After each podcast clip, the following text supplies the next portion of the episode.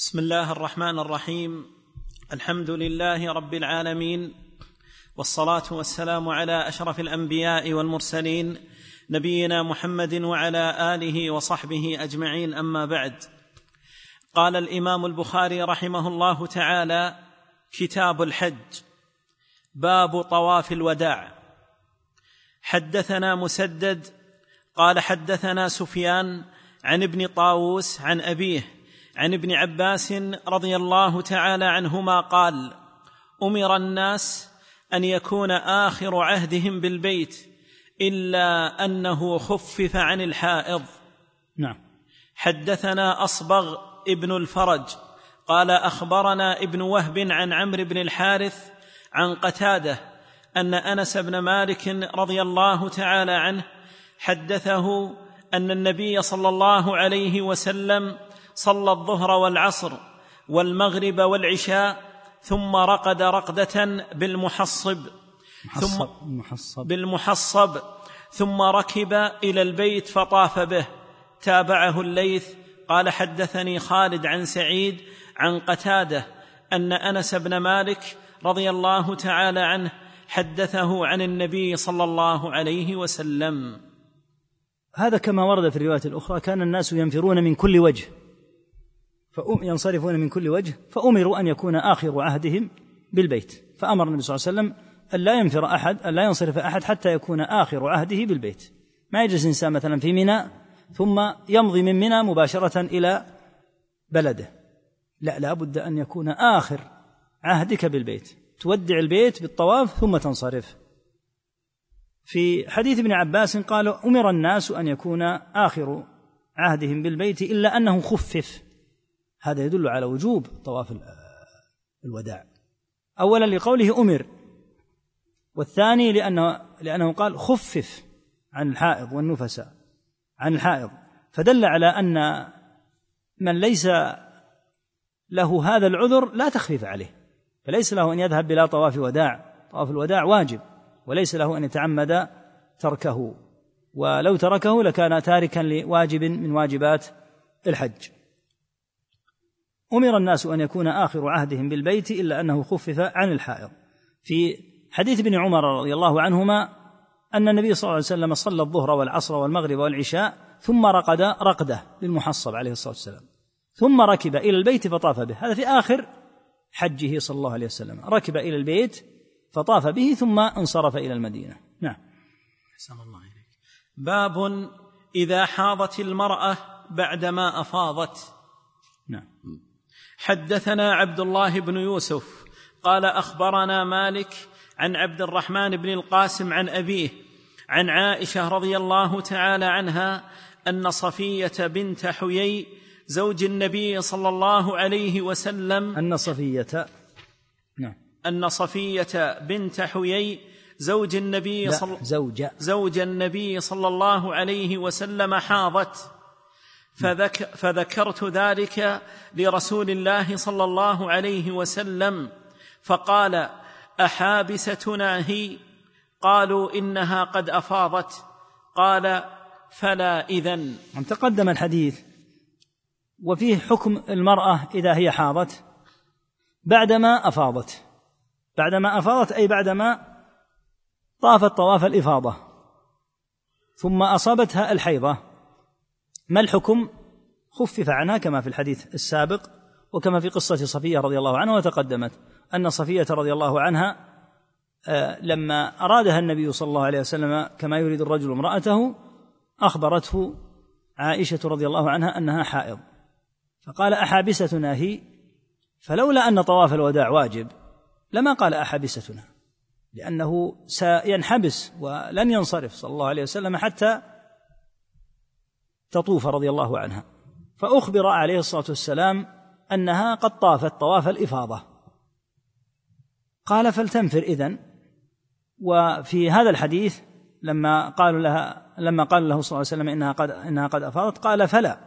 يعني لا حبس علينا ما دامت قد أفاضت. ولهذا ينبغي بمن حج بالنساء أن يحرص من حج معه امراه أن يحرص على أن يعجل بطواف الإفاضة لها.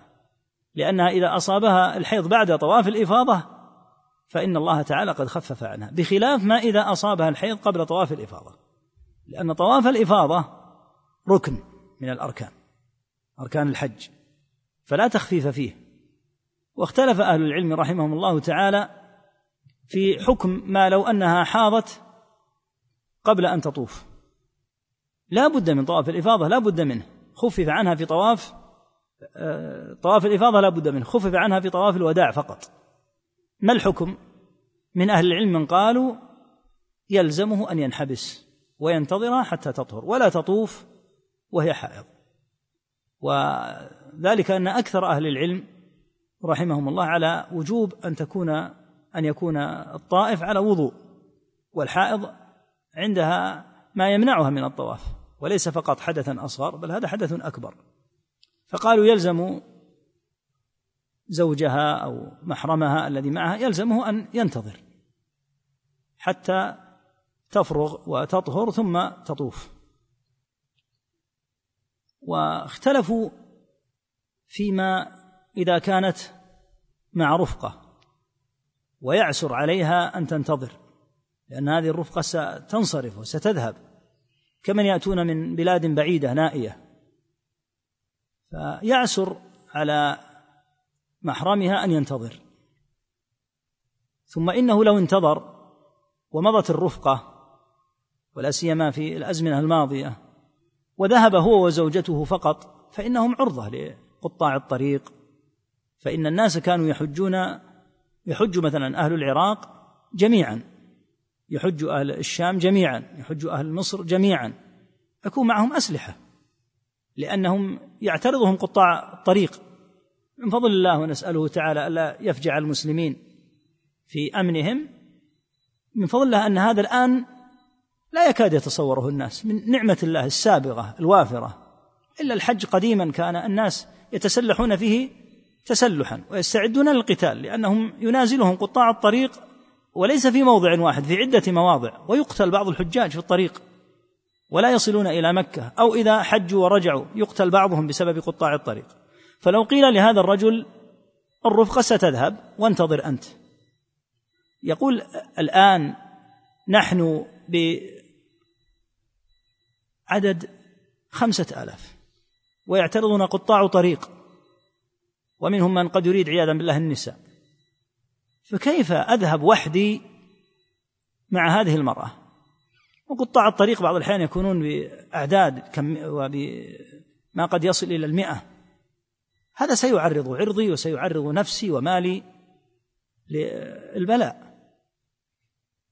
فمن أهل العلم من قال إنه يحبس يلزم الجمال ومن معه يلزمون بالانتظار. لكن قد لا ينتظرون. لهذا اختار شيخ الإسلام ابن تيمية رحمه الله تعالى أن هذا من باب الضرورة. أنها تتحفظ حتى لا يقطر منها شيء من الحيض وتطوف من باب الضرورة. لا حيلة لها لأنها إن بقيت وذهبت الرفقة تعرضت لما تقدم من الخطر. وإن رجعت مع الرفقة ولم تطف طواف الإفاضة فإنها تبقى على إحرامها.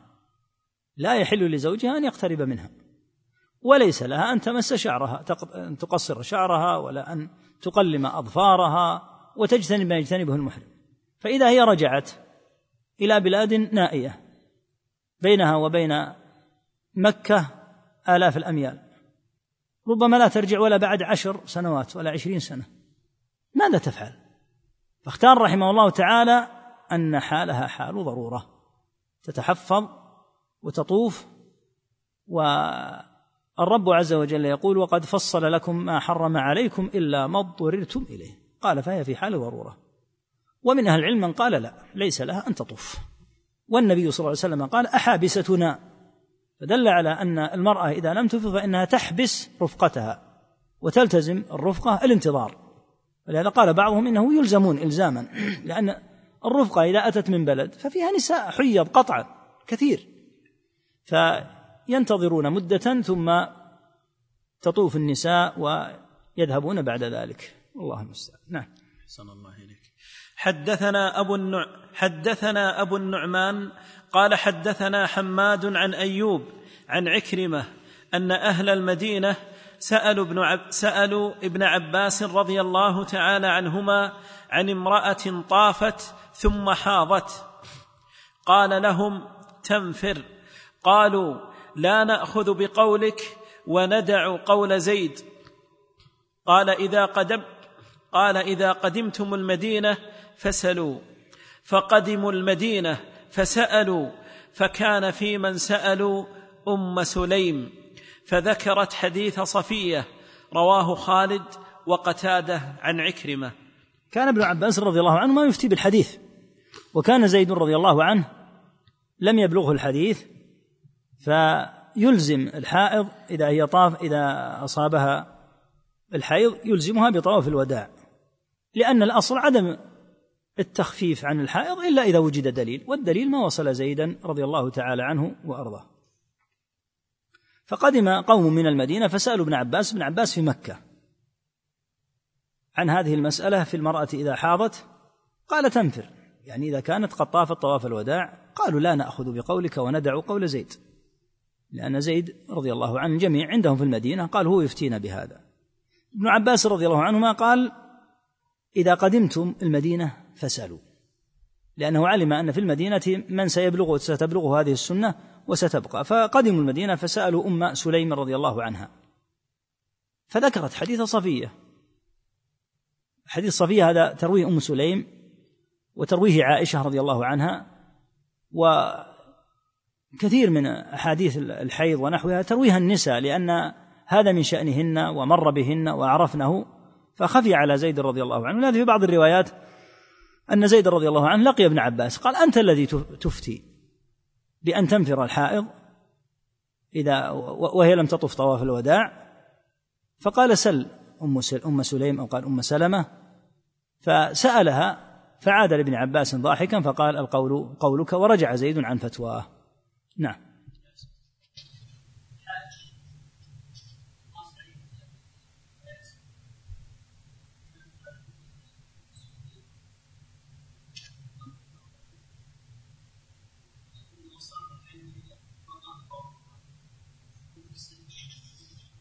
هذا على قول من يرى أنها لكن في مثل هذا الزمن ولله الحمد والشكر مع وجود الأمن ولله الفضل والمنة يمكن لزوجها أن يتأخر.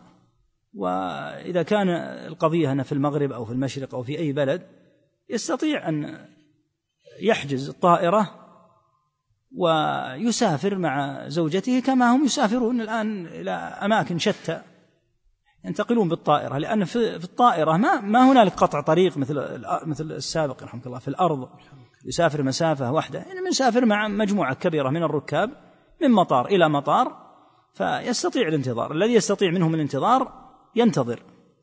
إنما كلام شيخ الإسلام وغيره في من لا يقدر من لا يقدر على الانتظار ويترتب على انتظاره شيء من الخطر عليه في عرضه أو في نفسه أو في ماله. هذا وضع آخر. أما الآن فكثير من الناس يستطيع أن ينتظر. ينتظر مدة خمسة أيام ينتظر مدة أسبوع. لأن قد لا يأتيها الحيض مثلا إلا مثلا يوم عرفة. فتبقى يوم عرفة. ويوم العيد تعمل جميع أعمال الحج لكن لا لا تطوف بالبيت. ترمي الجمار تقف في عرفة تبيت بمزدلفة. فيأتي اليوم الحادي عشر الثاني عشر قد لا يبقى على طهرها إلا ثلاثة أيام أو نحوها أو يومين. فلو فرضنا أنها ذهبت الرفقة فإنه يستطيع أن ينتظر ويلحق. أما إذا لم يستطع أن ينتظر فيكون فيه كلام أهل العلم السابق. نعم. عليك حدثنا مسلم قال حدثنا وهيب قال حدثنا ابن طاووس عن أبيه عن ابن عباس رضي الله تعالى عنهما قال رخص للحائض أن تنفر إذا إذا أفاضت. قال وسمعت ابن عمر رضي الله تعالى عنهما يقول إنها لا تنفر. ثم سمعته يقول بعد إن النبي صلى الله عليه وسلم رخص لهن. نعم لأن ابن عمر رضي الله عنهما كزيد رضي الله عنه ما بلغهم الحديث. فلما بلغهم الحديث تركوا فتوهم. هذا هو الواجب. الواجب كل من كان عنده قول أو رأي أو اجتهاد على خلاف السنة ثم بلغته السنة. الواجب أن يترك قوله واجتهاده ووجهة نظره واختياره وذوقه وهواه والعرف السائد والذي وجد عليه آباء وأجداد كل هذا يرمى بعرض الحائط انتهى. كل هذا ينتهي تماما إذا ثبت عن النبي صلى الله عليه وسلم خلاف ما يسود في مجتمع أو ما ينتشر بين الناس أو ما هو عرف متعارف عليه بين الناس أو هو اجتهاد من قبل أحد أهل العلم كل هذا يضمحل ينتهي ليس لأحد مع رسول الله صلى الله عليه وسلم كلام كائنا من كان. ما نقول والله نعم هذا حديث صحيح لكن فيه فقيه كبير. انتهى فقهه. فقهه هذا خطأ اتضح كما قال الشافعي رحمه الله تعالى. إذا قلت قولا وقال الرسول صلى الله عليه وسلم بخلاف قولي يعني ولم يبلغني هذا المعنى فاضربوا بقولي عرض الحائط. لا تستمسكوا بأني من أئمة المسلمين وأني من أهل العلم. يقول اتركوه. ولهذا يقول رحمه الله أيضا إذا قلت قولا وقال الرسول صلى الله عليه وسلم بخلافه فمذهبي ما قاله رسول الله صلى الله عليه وسلم. لا تنسبوا لي قولي الذي قلته. قولي هذا اتركوه لأن مذهبي هو الحديث. فلم يبلغني الحديث لو بلغني لقلت به. فالحاصل أن هذا ينبغي أن يلاحظ. ولهذا زيد رضي الله عنه ترك فتواه وابن عمر رضي الله عنهما ترك فتواه. كل هذا لأنهم بلغهم الحديث. نعم.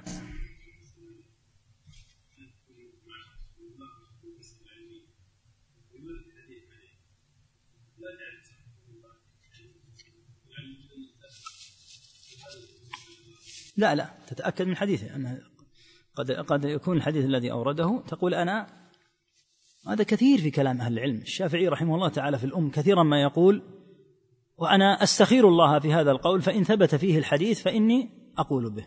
يعني يعلق القول. فإذا جاء أحد وقال بقول قال هذا في حديث عن يعني ذكر قولا واستدل عليه بحديث على خلاف ما تقرر أنت. فتقول أنا أتأكد إذا كان الحديث صحيحا أبحثه أو أسأل عنه فإن كان صحيحا تركت قولي. لكن إن لم يكن الحديث صحيحا أو كنت واهما تظنه حديثا يعني قد يظنه حديثا وليس بحديث. أنا على قولي. نعم. أحسن الله حدثنا أبو النعمان قال حدثنا أبو عوانة عن منصور عن إبراهيم عن الأسود عن عائشة رضي الله تعالى عنها قالت خرجنا مع النبي صلى الله عليه وسلم ولا نرى إلا الحج. فقدم النبي صلى الله عليه وسلم فطاف بالبيت وبين الصفا والمروة ولم يحل. وكان معه الهدي فطاف من, فطاف من كان معه من نسائه وأصحابه وحل منهم من لم يكن معه الهدي. فحاضت هي فنسكنا مناسكنا من حجنا فلما كان ليلة الحصبة ليلة النفر قالت يا رسول الله كل أصحابك يرجع بحج وعمرة غيري. قال ما كنت تطوفين بالبيت ليالي قدمنا. قال قلت لا. قال فخ ليالي قدمنا كذا عندك؟ إيه نعم. قدمنا ما عندك قدمنا مكة؟ لا يا شيخ. طيب اقرأ كمان. نعم. قلت لا. قال فاخرجي مع أخيك إلى التنعيم فاهلي بعمرة وموعدك مكان كذا وكذا. فخرجت مع عبد الرحمن إلى التنعيم فأهللت بعمرة. وحاضت صفية بنت حيي فقال النبي صلى الله عليه وسلم عقرا حلقا إنك لحابستنا. أما كنت طفت يوم النحر؟ قالت بلى. قال فلا بأس انفري. فلقيته مصعدا على نعم. فلقيته مصعدا على أهل مكة وأنا منهبطة أو أنا مصعدة وهو منهبط. وقال مسدد وقال مسدد قلت لا. تابعه جرير عن منصور في قوله لا. تقدم شرح الحديث كاملا فيما مضى وما وقع لعائشة رضي الله عنها. الشاهد من هنا أن أن صفية رضي الله عنها حاضت. فلما حاضت قال صلى الله عليه وسلم عقرى حلقة. قيل إن هذا من باب الإخبار وقيل إنه من باب الدعاء. عقرى أي عقرها الله. وحلقة أي أصابها الله تعالى في حلقها أو أصابها بما بآفة يكون من آثارها حلق شعرها. وقيل جعل جعلها عاقرا عقرا. وكل هذا مما كانت تقوله العرب ولا تريد به الدعاء. ليس معنى ذلك النبي صلى الله عليه وسلم يدعو عليها. هذا كان كثيرا ما تقوله العرب. مثل قوله عليه الصلاة والسلام فاظفر بذات الدين تربت يداك. هذا موجه لمن يريد أن يتزوج. ليس معناه أن النبي صلى الله عليه وسلم يدعو عليه بالفقر تربت يداه حتى يعني تلاصق يده التراب. وهكذا قوله صلى الله عليه وسلم لمعاذ ثكلتك أمك. يعني فقدتك. هذا النوع لا يراد به حقيقة الدعاء. لأنه إذا أراد أن يدعو على قوم صلى الله عليه وسلم لإساءة اساؤوها يتجه عليه الصلاة والسلام بالدعاء عليهم فيصيبهم دعاءه. لكن قوله هنا لصفية هو يعلم صلوات الله وسلامه عليه أن صفية لا ذنب لها. وأن هذا أمر كما قال هو صلى الله عليه وسلم بنفسه لعائشة إن هذا أمر كتبه الله على بنات آدم. فدل على أن هذا إذا ورد من أمثاله فإنه لا بأس به. ولهذا تقول العرب إذا أعجبهم الإنسان مثلا في في رميه أو في مهارته قالوا قاتله الله ما أتقن صنعه. طيب لماذا تدعو عليه؟ يقول أنا لا أريد الدعاء عليه إن الله يقاتله وأن الله يهلكه. أنا لا أريد هذا أنت لا تعرف لسان العرب. هذه كلمة تجري على ألسنتنا لا نقولها نريد الدعاء. قد يقولها الواحد منا لأخيه أو قد يقولها لابنه لا يريد الدعاء عليه. فهذا النوع من هذا القبيل. فقال عقرة حلقة إنك لحابستنا. هذا الدليل على أن من لم تطف طواف الإفاضة تحبس من من كان قائما عليها وعلى الخلاف الذي ذكرناه. ثم قال أما كنت طفت يوم النحر؟ قالت لي قالت بلى. وهذا في دلالة على ما عندها رضي الله عنها من الهمة والفهم والإدراك. لأنها لو لم تطف طواف الإفاضة لانحبس عليه الصلاة والسلام وانحبس المسلمون معه. وأعداد غفيرة كبيرة من الناس ستبقى. فلما أخبرته قال فلا بأس. انفروا انفري. فلقيت قوله فلقيته مصعدا على أهل مكة. هذا كله من كلام عائشة رضي الله عنها كما تقدم شرحه. لأنه لما أصرت على أن تعتمر رضي الله عنها أمر أخاها أن يعمرها من التنعيم. فلما انتهت من عمرتها رجعت إليه عليه الصلاة والسلام فلما رجعت آذن بالرحيل. صلى الله عليه وسلم. نعم. أحسن الله إليك. باب من صلى العصر يوم النفر بالأبطح. النفر تقدم في حديث عائشة رضي الله عنها قولها ليلة النفر. النفر الأول هو الثاني من أيام التشريق والنفر الآخر هو الثالث. والنبي عليه الصلاة والسلام لما أصرت عائشة رضي الله عنها على العمرة كان ذلك في يعني اتجهت مع أخيها في الليل التنعيم واعتمرت من التنعيم وأتت وأخذت عمرتها فرجعت إلى النبي صلى الله عليه وسلم في آخر في يعني بعدما انتهى عليه الصلاة والسلام من آخر حجه وهذا مراده بقولها ليلة النفر. فالنفر الأول هو الثاني من أيام التشريق والنفر الآخر هو اليوم الثالث من أيام التشريق. نعم. باب من صلى العصر يوم النفر بالأبطح. حدثنا محمد بن المثنى قال حدثنا إسحاق بن يوسف قال حدثنا سفيان الثوري عن عبد العزيز بن رفيع قال سألت أنس بن مالك رضي الله تعالى عنه أخبرني بشيء عقلته عن النبي صلى الله عليه وسلم أين صلى الظهر يوم التروية؟ قال بمنن. قلت فأين صلى العصر يوم النفر؟ قال بالابطح افعل كما يفعل أمراؤك. الأبطح بطحاء بين مكة ومنى.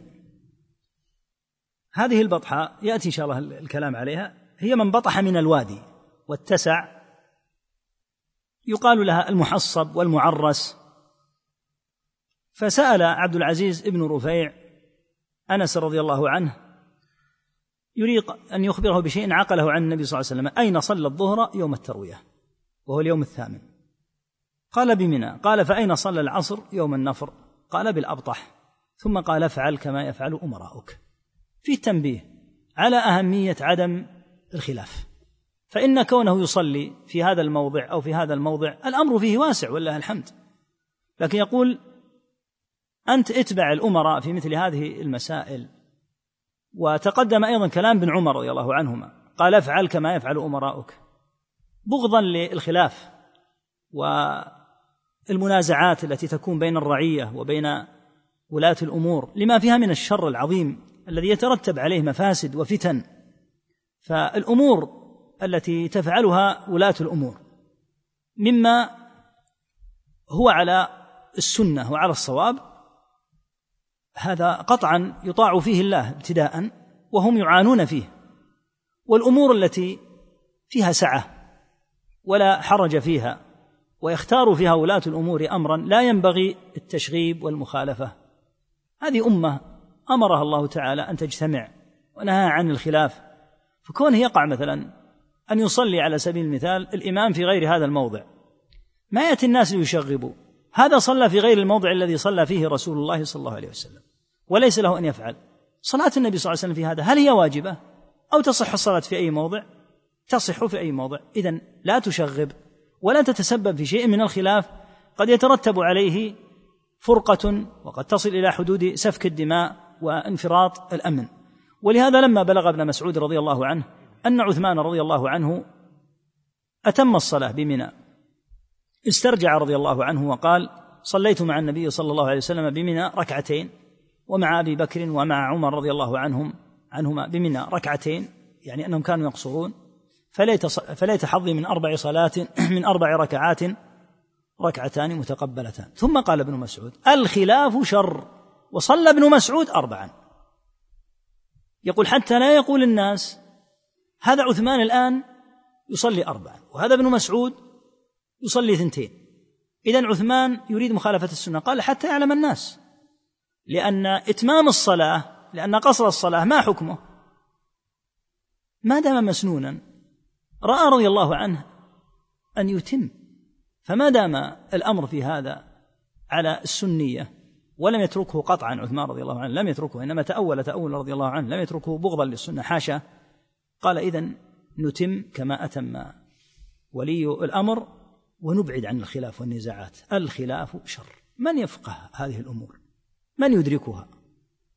هذه أمور مهمة جدا أن تعلم وإنما يرد على ولاة الأمور أمرهم إذا تسوروا على أمر عظيم لا يحل لهم أن يتسوروه وأن أمروا بمعصية الله. فعند ذلك لا يطاع أحد لا ولي أمر ولا غيره لأن الذي أمرنا سبحانه وتعالى بطاعتهم هو الذي أمره مقدم على كل أحد عز اسمه. لكن الأمور التي يكون فيها سعة أو يكون للخلاف فيها مساغ ويكون في أهل العلم من أفتى ممن هو معتبر من أفتى في مثل هذه المسائل وهي مسائل اجتهادية وليست منصوصة محسومة. ما الذي يجعل الإنسان يشغب؟ حتى لو اختار حتى لو اختار في خاصة نفسه القول الآخر الذي هم على خلافه لا يشغب به. ولا يفشي في الناس أن هؤلاء اختاروا كذا وكذا وأن الصواب كذا وأن ما دامت المسألة اجتهادية وهي في من كان قبلنا وربما عمل بها حتى بعض الخلفاء الراشدين رضي الله عنهم. فولاة الأمور بعد الخلفاء الراشدين لن يبلغوا مبلغ الخلفاء الراشدين. فينبغي عدم التشغيب وعدم المعاندة لأن هذه الأمور تبدأ يسيرة سهلة كلمة من هنا ومن هنا ثم تنتهي بحروب وبفرقة وبجماعة مدمرة. فلهذا لاحظ كلام أنس رضي الله عنه. افعل كما يفعل أمراؤك. تقدم كمال كلام ابن عمر نفسه. افعل كما يفعل أمراؤك. ذكرنا كلام ابن مسعود رضي الله عنه. قال الخلاف شر ثم صلى أربعا. كل هذا بغضا لهذه المنازعات والمخالفات. الآن صارت المنازعة لولي الأمر صارت نوعا مما يجلب المحمدة عند الناس. ويظهر عند الناس أن هذا رجل صاحب بطولة صاحب قدرة على المواجهة.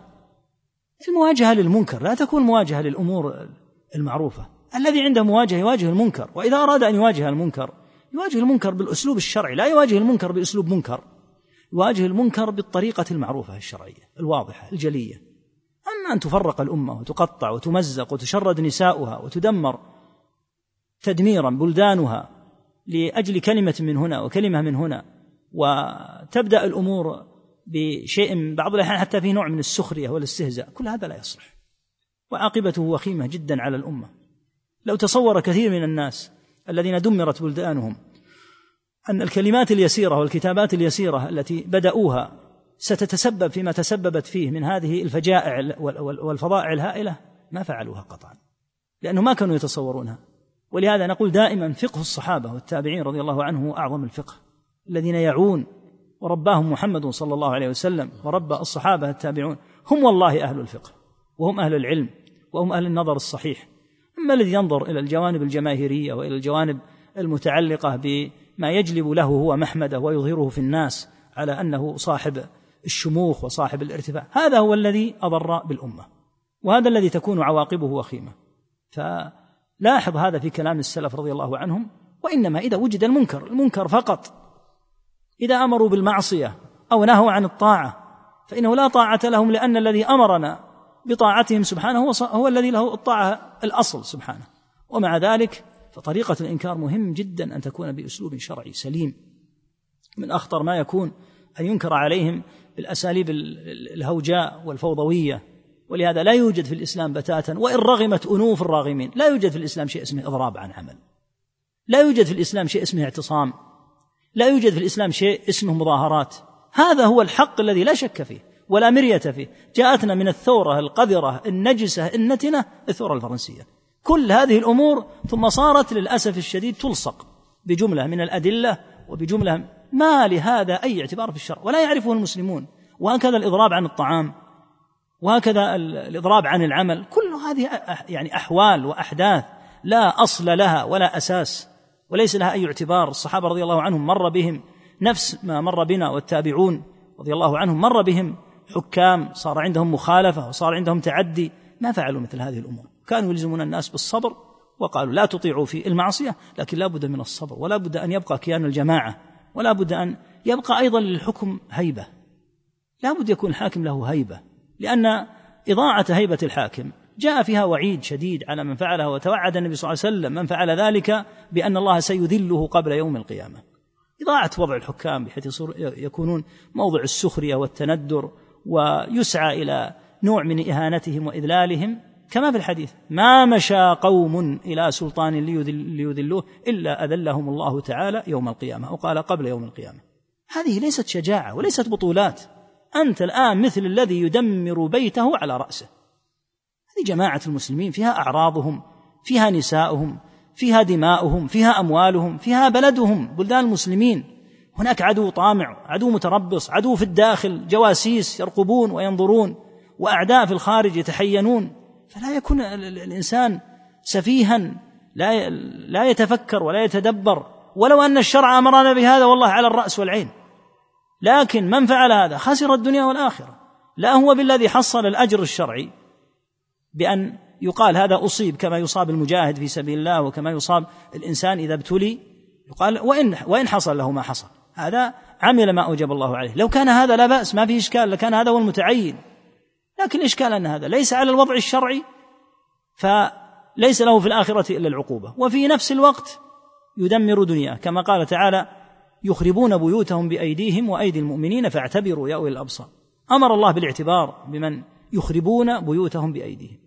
إنسان عجيب هذا الإنسان الذي يخرب بيته بيده. العادة أن الإنسان يخرب بيت عدوه فإذا أخرب بيته فإنه موضع اعتبار. قال فاعتبروا يا أولي الأبصار. محل اعتبار. نسأل الله أن يجعلنا معتبرين لا معتبرا بنا. آمين. نعم. أحسن الله إليك يا شيخ. شيخ أحسن الله إليك. كيف يكون الإنكار على ولاة الأمر في ظل هذه الكلمة كما قال عليه الصلاة والسلام من أراد أن ينصح لذي سلطان فلا يبده علانية وليأخذ بيده. فإن قبل منه وإلا كان قد أدى الذي عليه.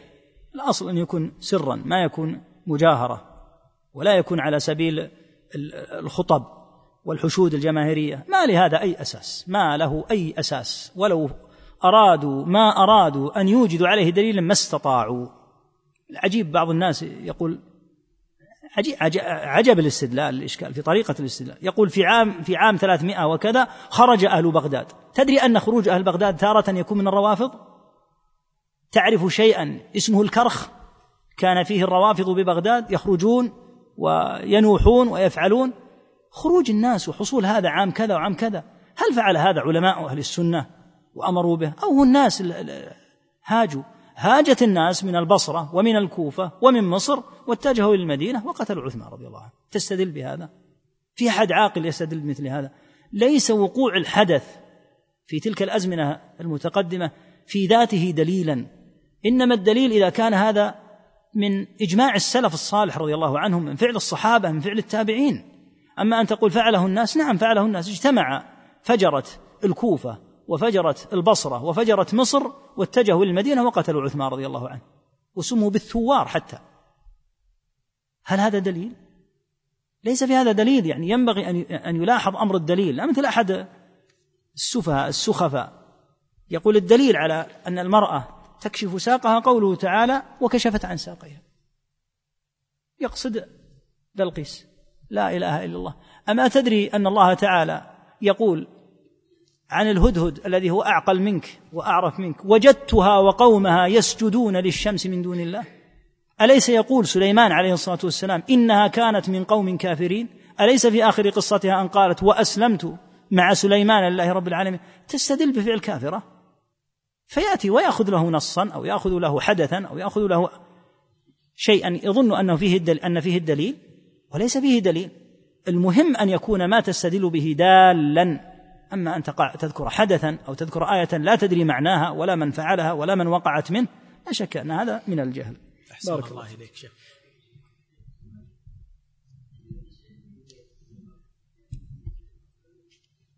وإذا احتجوا بفعله عفى الله عنه لما ذكر لأحمد رحمه الله قال سعيد بن جبير يعني ابتسم قال سعيد بن جبير غلط. غلط رضي الله عنه. يعني سعيد بن جبير لا يغلط من هم أجل من سعيد بن جبير؟ شيوخ شيوخ سعيد بن جبير. أليس من تلاميذ أليس هو من تلاميذ ابن عباس؟ شيوخه من الصحابة. هل فعلوا هذا؟ يقال رضي الله عنه وعفى الله عنه وغفر الله له. اجتهد فأخطأ. أما أن يجعل خطأه دليلا هذا يفعله الرافضة الذين يقولون إن عندهم أئمة معصومين. أما من أخطأ من العلماء رحمهم الله فإنه يعتذر عنه ويدعى له بالمغفرة ويظن أنه اجتهد اجتهادا أراد به الخير رضي الله عنه. لكن يوقف عند ذلك لا يستدل بخطأ أحد. نعم. عبد الله بن الزبير رضي الله عنهما رأى أن البيعة انعقدت له. رأى أن البيعة قد انعقدت له.